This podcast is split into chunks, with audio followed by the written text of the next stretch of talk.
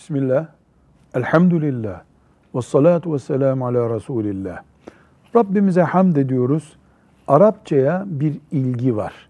Gitgide de bu çoğalıyor. Kur'an'ın harflerinin bile yasaklandığı topraklarda yaşıyoruz. Elhamdülillah şimdi Arapça dil olarak okullarda var, kurslarda var, bir alaka konusu olarak toplumun gündeminde var.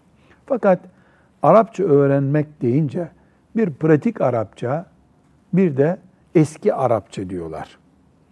Hangi Arapçayı öncelikli görmeliyiz ya da tavsiye etmeliyiz diye sorulduğunda deriz ki Arapça Kur'an'ın dilidir.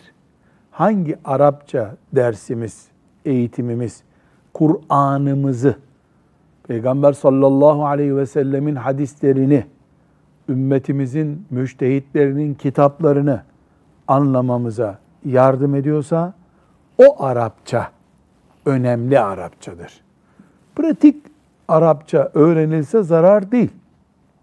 Ama Arapça din dilidir. Din gibi kıymetlidir. Çünkü Kur'an'ımız var devrede.